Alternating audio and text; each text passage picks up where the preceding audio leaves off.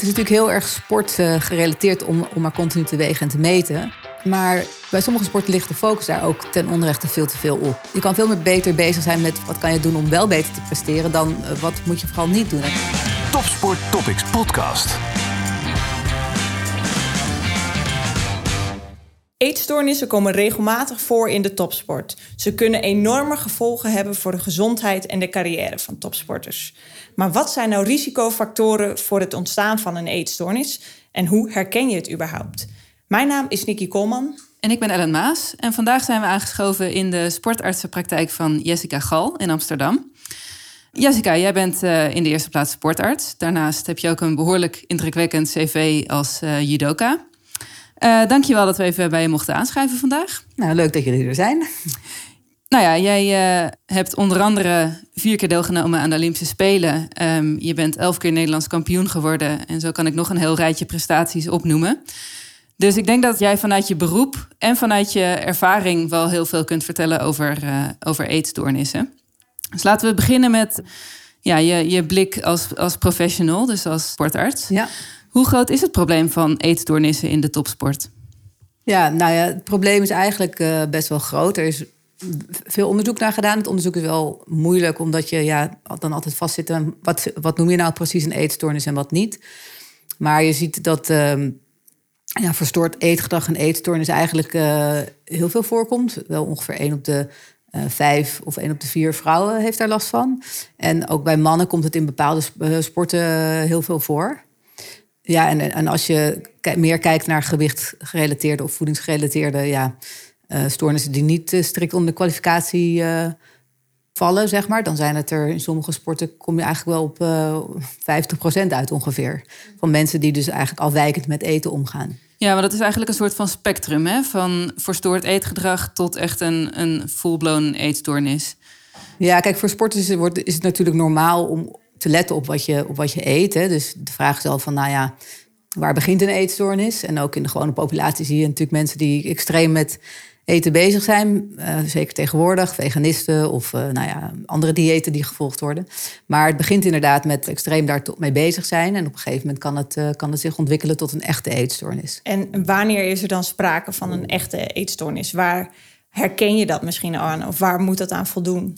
Nou, kijk, je hebt uh, volgens de officiële DSM-classificatie, dat is een, uit de psychologie, zeg maar, psychiatrie, mm -hmm. heb je ja, strikte criteria. Maar in de sport is het eigenlijk zo dat er ook uh, de definitie anorexia, atletica of uh, eetstoornissen niet nader omschreven bestaat. Omdat, mm -hmm. ja, omdat het dus eigenlijk niet zo zwart-wit is als je. Van dit is het wel, dat is het niet. Als je eigenlijk daaraan gaat beginnen, dan ga je denk ik al aan het probleem voorbij. Ja, want eigenlijk uitzicht het verstoorde eetgedrag ook bij iedereen anders, begrijp ik. Het verstoorde eetgedrag uh, uitzicht bij iedereen anders. Er zijn wel gewoon algemene ja, kenmerken hè, waardoor je het een beetje kan groeperen. Je hebt de klasse die een beetje op anorexia lijkt, waarbij het gewicht eigenlijk steeds verder omlaag gaat. En er weinig wordt gegeten, maar ook uh, dat zich uit in, uh, in gewicht. Maar bij sporters zie je vaak dat die extreme gevallen er niet zoveel tussen zitten. dat het meer is. Ehm, bijvoorbeeld bulimia, dus uh, eetbuien en dat weer eruit gooien. Of ja, zeg maar kenmerken van uh, anorexia zonder het extreme ge gewichtsverlies, zeg maar. Ja. Of, uh, of, of, periodes van extreem lijnen afgewisseld met periodes van veel eten. En ja, ga zo maar door. Ja, en in welke sporten komen eetstoornissen over het algemeen vaak voor? Ja, over het algemeen zie je dat eetstoornissen vooral uh, voorkomen in esthetische sporten. Dus waar ja, het uiterlijk, het lichaamsuiterlijk uh, van belang is. Bijvoorbeeld turnen of uh, kunstschaatsen of schoonspringen. Maar ook bijvoorbeeld bodybuilding. Mm -hmm. En aan de andere kant zie je dat... Um, dat het veel voorkomt in gewichtsklassensporten. Hè, dus waar je eigenlijk de sporter continu bezig is met onder een bepaalde gewichtsklasse uitkomen. Dus eigenlijk ja, vanwege het karakter van de sport al wel met gewicht bezig moet zijn. Maar je ziet ook dat andere sporten waarbij het een voordeel is om licht te zijn, bijvoorbeeld duursporten, wielrennen of, of, of lange afstand lopen, dat het daar ook heel veel voorkomt. Omdat dan een lager gewicht over het algemeen de prestatie bevordert. Precies, ja. ja. ja. En um, komt het vaker voor bij mannen of bij vrouwen? Of zie je het in alle twee? Ja, het komt dus bij vrouwen inderdaad veel meer voor. Omdat bij vrouwen vaak toch wat meer een soort van ja, focus op uiterlijk wordt, uh, wordt gelegd. Maar eigenlijk zie je het bij mannen ook. Bij mannen heb je juist uh, ook vormen van eetstoornissen waarbij de focus juist ligt op het meer en meer spiermassa kweken. En, en ja, dat wordt dan ook wel bigorexia genoemd. Maar waarbij je dus inderdaad um, ja, een andere uitingsvorm zeg maar, van uh, toch een focus op uiterlijk uh, terug ziet komen. Ja, dus niet het, de focus op gewicht, maar echt de focus op uh, spiermassa en hoe zie je eruit. Ja. ja. Um, nou ja, je noemde al eventjes gewichtklassen sporten. En judo is daar natuurlijk één van. Zeker. Kun je ons misschien eens vanuit je ervaring als topsporter meenemen in ja, hoe dat eruit ziet? Dus voor de mensen die misschien geen ervaring hebben met gewichtsklassen sporten. Ja. Ja, we hebben ook onderzoek gedaan naar uh, eetstoornissen in de sport. En ik heb zelf natuurlijk ook een eetstoornis gehad. Dus ja, dus uit ervaring kan ik daar uh, zeker wel wat over vertellen. Um, ja, vaak zie je dat al op jonge leeftijd begint. In de literatuur zie je 12,5 jaar als, als beginleeftijd, maar 9 jaar komt ook voor. Dus dan moeten sporters al inwegen voor een wedstrijd? Ja, eigenlijk begin je als zesjarige al met je eerste wedstrijd in een bepaalde gewichtsklasse. Nou, dan ga je natuurlijk nog, dan ga je gewoon op de weegschaal staan en wat je weegt, ja, dan word je een beetje ingedeeld. Maar toch gaat het vrij snel wel naar, ja, wil je tot 29 kilo of tot 32 kilo uh, judo? Ja, dan komt soms toch de vraag van, nou, weet je, doe maar. Uh, ik ben echt 29,5, doe maar 29. Even niet snoepen. En even een dagje, hè, een dagje niet snoepen. En even wat minder avondeten. En dan moet het goed zijn. En dat is het dan ook wel vaak. Maar ja, dat, en stimuleert dan de coach dat? Of komt dat dan vaak vanuit het kind zelf of vanuit de ouders? Nou, ik denk dat dat in eerste instantie dat niemand ja, kwaad in de zin heeft, nee, zeg maar. Precies, nee. Maar vrij snel zie je dat, uh, ja, zeker als een kind uh, gaat winnen in bepaalde klassen hoe je het ook bent of verkeerd, gewicht speelt wel mee. Dus dan uh, worden er inderdaad keuzes gemaakt al op vrij jonge leeftijd. Van nou, als je in deze categorie blijft, heb je wel wat meer kans om te winnen. Ja, en of uh, we hebben een team en we hebben nog iemand nodig tot 28 kilo. Dus kan jij niet even afvallen. Ja. En ja, wat je ook ziet in judo en wat ook denk ik een heel belangrijk iets is, is dat ja, toen ik klein was, toen zag, zag ik de grote jongens die waren allemaal aan het trainen met een, met een, een, een, een, een trainingsjackie aan onder een judopak of soms met een vuilniszak onder een judopak. Ja, en dat was gewoon best wel stoer, want ja, dat waren de grote jongens, die waren al heel goed, die deden wedstrijden. Dus ja.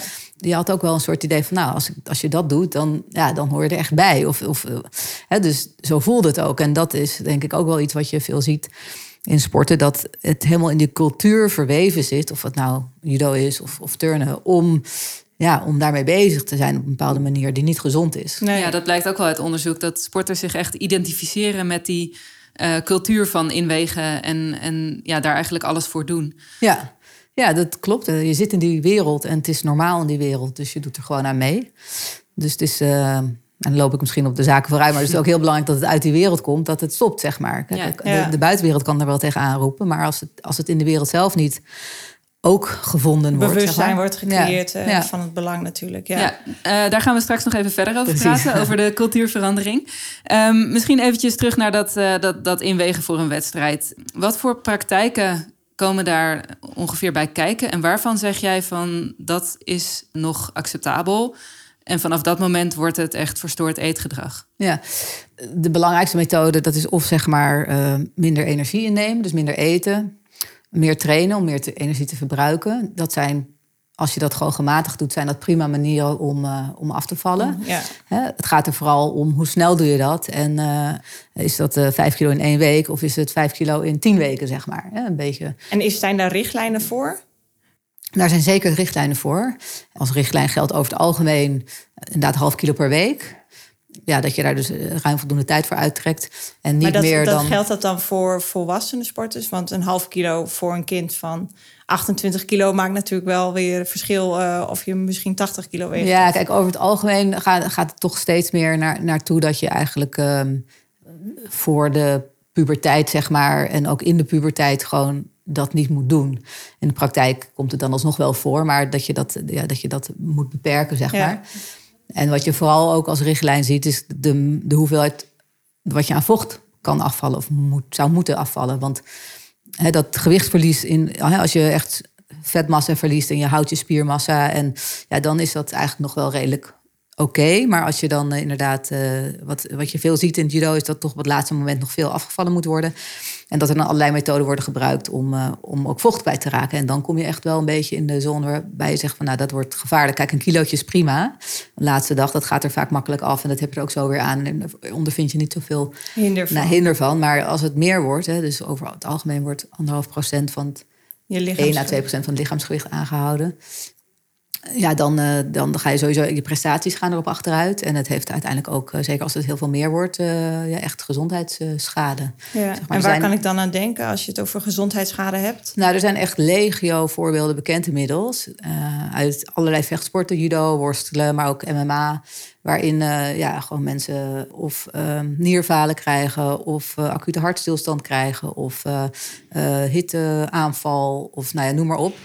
Dus je kan, als je, als je even googelt, kom je, kom je zo eh, ja, tientallen, bij wijze van spreken, eh, gevallen wel tegen. Ja. Waarin mensen echt dood zijn gegaan aan het eh, te veel afvallen. En dat Ja. komt met name door dat vochttekort dan. Me- ja, door vochttekort meestal eh elektrolytstoornissen. Dus, ehm, en dat is weer van belang voor de stabiliteit van het hart. Dus hartstilstanden komen veel voor, maar ook eh, herseninfarcten eh, en nierfalen. Dus dat zijn eigenlijk de drie orgaansystemen die echt tot de dood kunnen leiden. Ja. Ja, ja heftig. Ehm, maar dit zijn natuurlijk voorbeelden van, van acute zaken die er, die er kunnen gebeuren. Ja.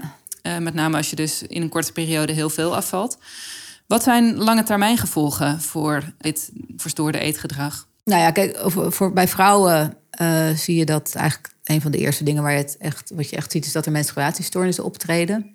En eh, op het moment dat je menstruatiestoornissen optreedt, het is hormonaal bepaald, zie je ook dat het invloed heeft bijvoorbeeld op de botdichtheid. Het leidt tot een verminderde botdichtheid, wat op lange termijn ook kan leiden tot ehm, osteoporose. Ja, wat voor de sporter wat meer van belang is, kan ook leiden tot eh, snellere blessures. Vooral zie je ook meer botbreuken dan bij sporters die veel gewicht verliezen? Of... Ja, zeker. Je ziet eh, meer stressfracturen. Ja.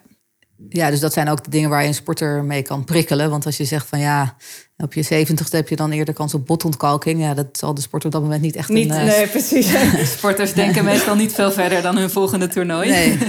Maar ja, het feit dat je geblesseerd kan raken sneller. En niet alleen aan stressfracturen, maar ook gewoon algemene belasting, overbelastingsblessures. Je kan sneller, ja, de weerstand gaat achteruit. Dus je bent vatbaarder voor infecties. eh, Verkoudheden, noem maar op. Maar ook, eh, ja, er zijn ook andere hormonale eh, veranderingen die optreden. Eh, je ziet eh, vermoeidheidsklachten, chronische vermoeidheidsklachten. Nou ja, prestatievermindering. Dus vaak zie je ook dat ja, het veel gewicht verliezen kan gepaard kan gaan met overtraining. Maar ook een verminderd uithoudingsvermogen, verminderd anaeroop vermogen. Er zijn een heleboel ja, effecten die wel direct invloed hebben op de sporter die ook optreden. Ja, tegenwoordig wordt er ook veel gesproken over eh RED-S, of het Relative Energy Deficiency in Sport syndroom. Kun je eens uitleggen wat dat precies inhoudt? Ja, eigenlijk is dat een, eh, een, eigenlijk een- nieuwe term die is ontwikkeld voor wat vroeger dan die female athlete triad wordt genoemd. Omdat ja, eigenlijk komen die afwijkingen ook gewoon bij mannen voor. En eh, gaat het natuurlijk niet alleen om menstruatie en om eh botontkalking, maar het gaat erom dat als je te weinig energie inneemt ten opzichte van wat je verbruikt, dat dat eigenlijk op, op zowel bij mannen als vrouwen op het hele ja, lichaam, op verschillende orgaansystemen invloed heeft. Dus onder andere dus op die botontkalking en de menstruatie bij vrouwen, maar bij mannen bijvoorbeeld op een, ja, op ook op de hormonen, dus op de testosteron wat lager wordt, op het cortisol, op eh groeihormoon. Eh, je ziet eh, dat de afweer omlaag gaat. Je ziet dat het hart en de eh, nieren betrokken zijn. Dus het is een, eigenlijk een heel breed effect wat optreedt in het lichaam als gevolg van eigenlijk gewoon te weinig energie. En dit komt ook veel voor bij duursporten.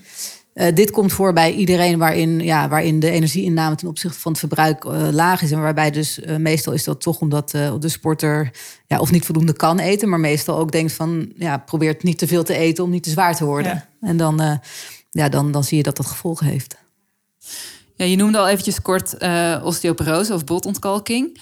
Dat is misschien niet iets waar sporters direct eh, mee bezig zijn of zich druk om maken. Maar kun je misschien eventjes uitleggen hoe dat ontstaat en wat de, vooral wat de impact daarvan is?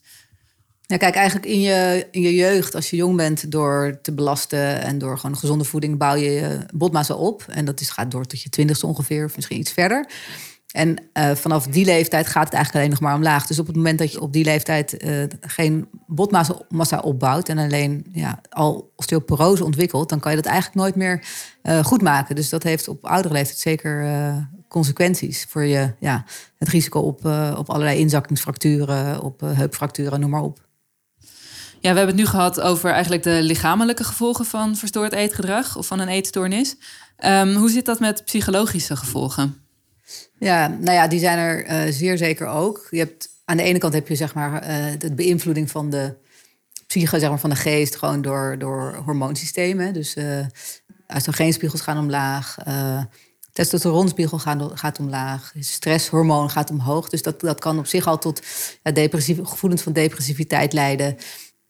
En een verhoogde gevoel van stress, zeg maar. Maar wat uh, ook heel belangrijk is, is dat het ook een heel grote invloed heeft op, ja, op je sociale gedrag, zeg maar. Als je continu met eten bezig bent of met niet eten. Um, en eigenlijk continu so, uh, situaties opzoekt waarbij je uh, jezelf isoleert en um, sociale situaties waar gegeten en gedronken wordt vermijd, dan heeft dat ook een uh, behoorlijke impact op je sociale ontwikkeling, sociaal-emotionele ontwikkeling.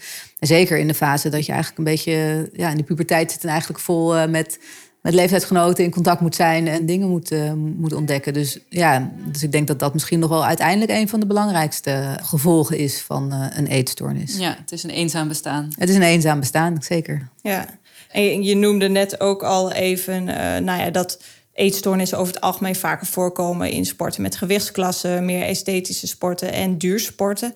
Maar zijn er daarnaast ook nog andere risicofactoren voor het ontstaan van een eetstoornis?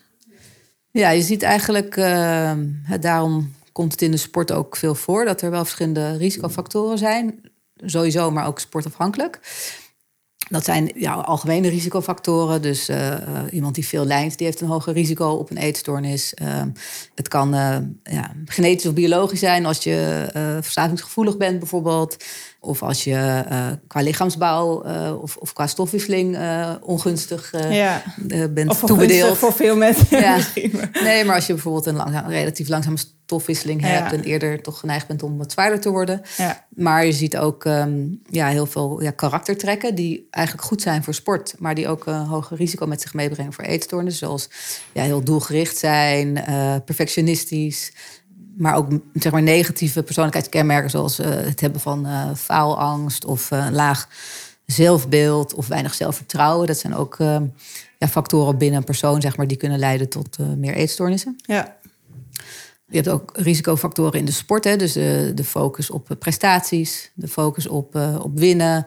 Ja, druk die sporters ervaren vanuit, ja, ook vaak, gewoon vanuit zichzelf, maar ook vanuit de directe omgeving. Maar ja, als je het wat breder trekt en je bent wat bekender, ook vanuit ja, de maatschappij, zeg maar. Dus uh, en tegenwoordig heeft elke topsporter wel een social media account. Hè? Dus er wordt gewoon continu uh, staat de spotlight op die sporter. Ja. En dat geeft ook meer druk om er op een bepaalde manier uit te zien. En om goed te presteren. En om een echte topsporter te zijn. En ja. dan gaan ze maar door. Ja, want die social media, je ziet natuurlijk steeds vaker afbeeldingen van sporters die nou ja, volledig afgetraind zijn. En daar waarschijnlijk ook veel tijd en energie in steken. Maar dat zal zeker ook dus nou ja, de kans beïnvloeden op het ontstaan van een eetstoornis een sporter kan een, een heel afgetraind lichaam hebben, omdat hij ja, heel erg functioneel bezig is om uit te blinken in die sport.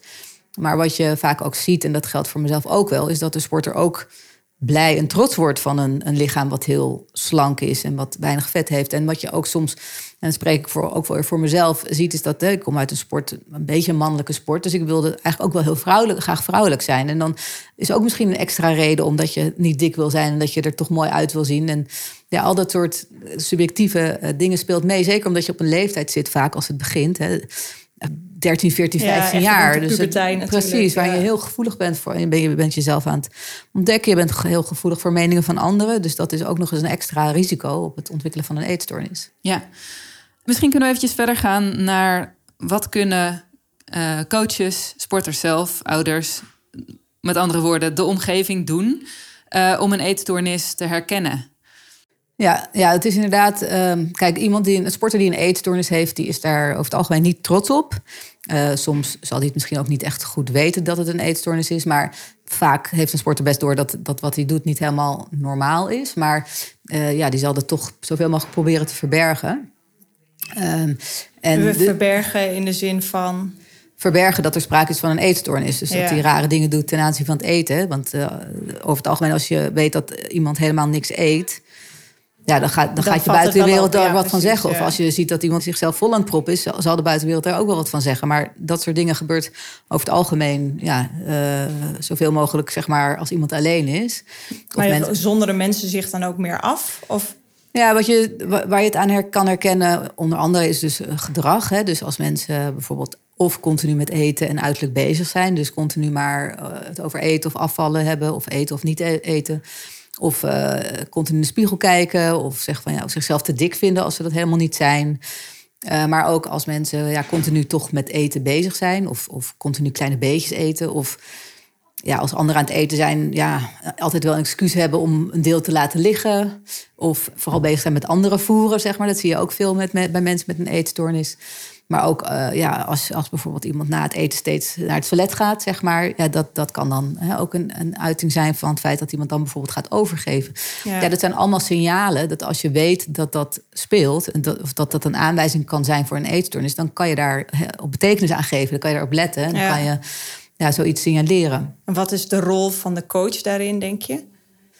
Nou, ik denk dat, dat de omgeving eigenlijk cruciaal is in eh, eh, het begeleiden van sporten met een eetstoornis.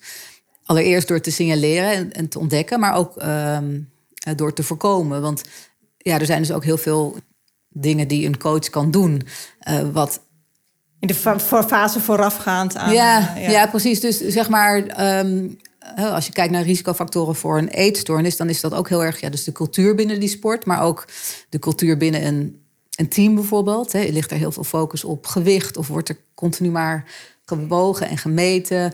Ja, dat, dat, dat legt een echt extra druk op de sporter om, om slank te zijn. Ehm, je ziet ook ja, hè, als eh, opmerkingen van de coach of van teamgenoten over bijvoorbeeld als je aangekomen bent na de vakantie of eh, over Ja. een dikke kont of wat dan ook. Ook als het grappend gezegd is, dat zijn echt dingen die, die, ja, die je echt niet moet doen. Omdat dat echt eh, nou, mede bepalend kan zijn of iemand een, een eetstoornis ontwikkelt. Ja, en zou het dan ook nog kunnen helpen dat je zegt van... Goh, we wegen en meten iedereen individueel... en die resultaten worden ook niet gedeeld Ja, binnen de trainingsgroep? Het is natuurlijk heel erg sport eh, ge- gerelateerd om, om maar continu te wegen en te meten. Ja, bij judo ontkom je daar gewoon niet aan. Nee, bij sommige sporten ontkom je daar niet aan. Maar dus bij sommige sporten ligt de focus daar ook ten onrechte veel te veel op. Je kan veel meer beter bezig zijn met wat kan je doen om wel beter te presteren... dan eh, wat moet je vooral niet doen. En ja, je kan beter focussen op een gezonde voeding... en wat heb je nodig om goed te presteren... dan ja, wat er allemaal niet goed is, zeg maar. En eh, als er al gewogen wordt, en dat, dat dat af en toe gebeurt, dat is logisch, en zeker in gewichtsklasse sporten, ja, dan is het heel belangrijk om dat inderdaad gewoon in een privéomgeving te doen, om die gegevens niet eh, met anderen te delen. Ja. Ja. om dat ook goed te interpreteren, maar ook om een sporter niet te zeggen van, joh, je hebt het weer niet goed gedaan, eh, ik wil je niet meer zien, maar joh, ik zie dat je het moeilijk hebt met afvallen, Ehm, kan ik je helpen? Hoe kunnen Ja. we dat misschien beter in banen leiden? Dus om veel meer support te bieden. En in de praktijk, ja, zie je dat dat, dat eigenlijk niet zoveel gebeurt. Nee. Dat is echt iets wat de sporter vaak zelf uit moet zoeken. Ja, dus het gaat echt eh, om het creëren van een, een, een positieve sfeer binnen het team. eh, waarin meer de focus ligt op, op, op beter presteren en op je, ja, je lichaam voeden voor die prestatie. Ja, en jezelf ontwikkelen. En, Ja. en, en ja, er zijn zo duizend andere dingen waar je op kan focussen. Dus waarom continu maar op die voeding, zeg maar.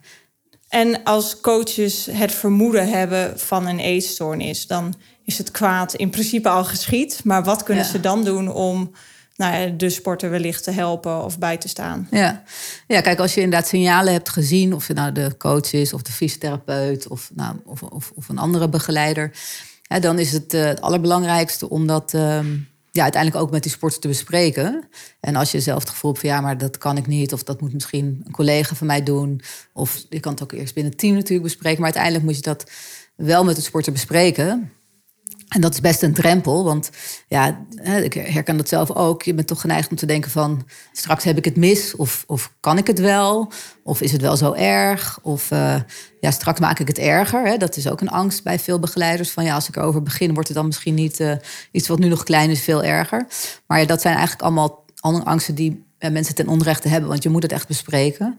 En ja, dat moet je zoveel mogelijk in een veilige omgeving doen. En dan vooral en gewoon eigenlijk op een hele eerlijke en open manier proberen jou voor, aan te geven wat je ziet. En eventueel waar je zorgen om maakt. En, en vraag hoe de sporter dat ziet. Sommige sporters vinden niet dat ze een eetstoornis hebben of weten het niet. En sommige sporters schamen zich bijvoorbeeld heel erg. Dus zullen in eerste instantie dat ontkennen. Maar desondanks is het wel van belang om, uh, het gesprek aan om te het gaan. gesprek aan te gaan. Zeker. En als het niet in één keer lukt, dan misschien in twee keer of in drie keer. Ja. We zien natuurlijk tegenwoordig in de media een aantal topsporters en oud-topsporters een beetje uit de kast komen, als het ware, met een eetstoornis en, en daar open over praten. En er gebeurt ook binnen een aantal bonden best veel rondom het thema eetstoornissen. Ik uh, zag uh, in de Volkskrant een artikel dat de Atletiek Unie een e-learning module heeft ontwikkeld voor coaches uh, om eetstoornissen te herkennen, om aan te geven wat je moet doen als je een, een eetstoornis constateert. Denk jij dat er een soort van cultuurverandering is ingezet? Of moeten we nog heel veel stappen maken? Nou, eerlijk gezegd denk ik dat, uh, dat er wel een cultuurverandering is ingezet, zeker. Uh, ik heb onderzoek gedaan, onder andere met Karin de Bruin. En zij is met een uh, groep andere psychologen ook met, met volgens mij verschillende bonden. Ik weet niet of ze ook bij de Atletiekbond betrokken is, maar het zou goed kunnen van wel. Bezig om ja, ook inderdaad, zeg maar, gewoon ja, mensen te onderwijzen in hoe het zit met eetstoornissen. Dus ik denk zeker dat een cultuurverandering uh, bezig is. Uh, er is veel meer openheid door inderdaad door oud-topsporters die daarmee naar buiten komen. Maar ik denk dat ja, voordat je echt helemaal doorgedrongen bent tot de gro grote, toch de redelijk grote topsportmassa, zeg maar. Hè. En ja, aan de ene kant, je wil dat het heel gezond gaat, maar je hebt altijd een tegengeluid van ja, topsport is, is per definitie niet gezond. Of ja, het werkt in eerste instantie vaak wel goed om, uh, om af te vallen en wat lichter te zijn. Dus het is heel moeilijk ja, om er echt doorheen te komen. En, en weten en doen is ook echt een ander verhaal. Maar ja. ik denk zeker dat er een cultuurverandering bezig is. En ik denk dat, uh, ja, dat geldt natuurlijk op, op andere vlakken ook uh, ten aanzien van veiligheid van sporters. Maar ik denk zeker dat het anders is dan, uh, dan zeg maar een jaar of twintig geleden. Ja. Bedankt voor je tijd, Jessica. Graag gedaan. En wil je nou nog meer weten over topsport en wetenschap? Ga dan naar onze website topsporttopics.nl en volg ons op sociale media. Topsport Topics, de schakel tussen wetenschap en sportpraktijk.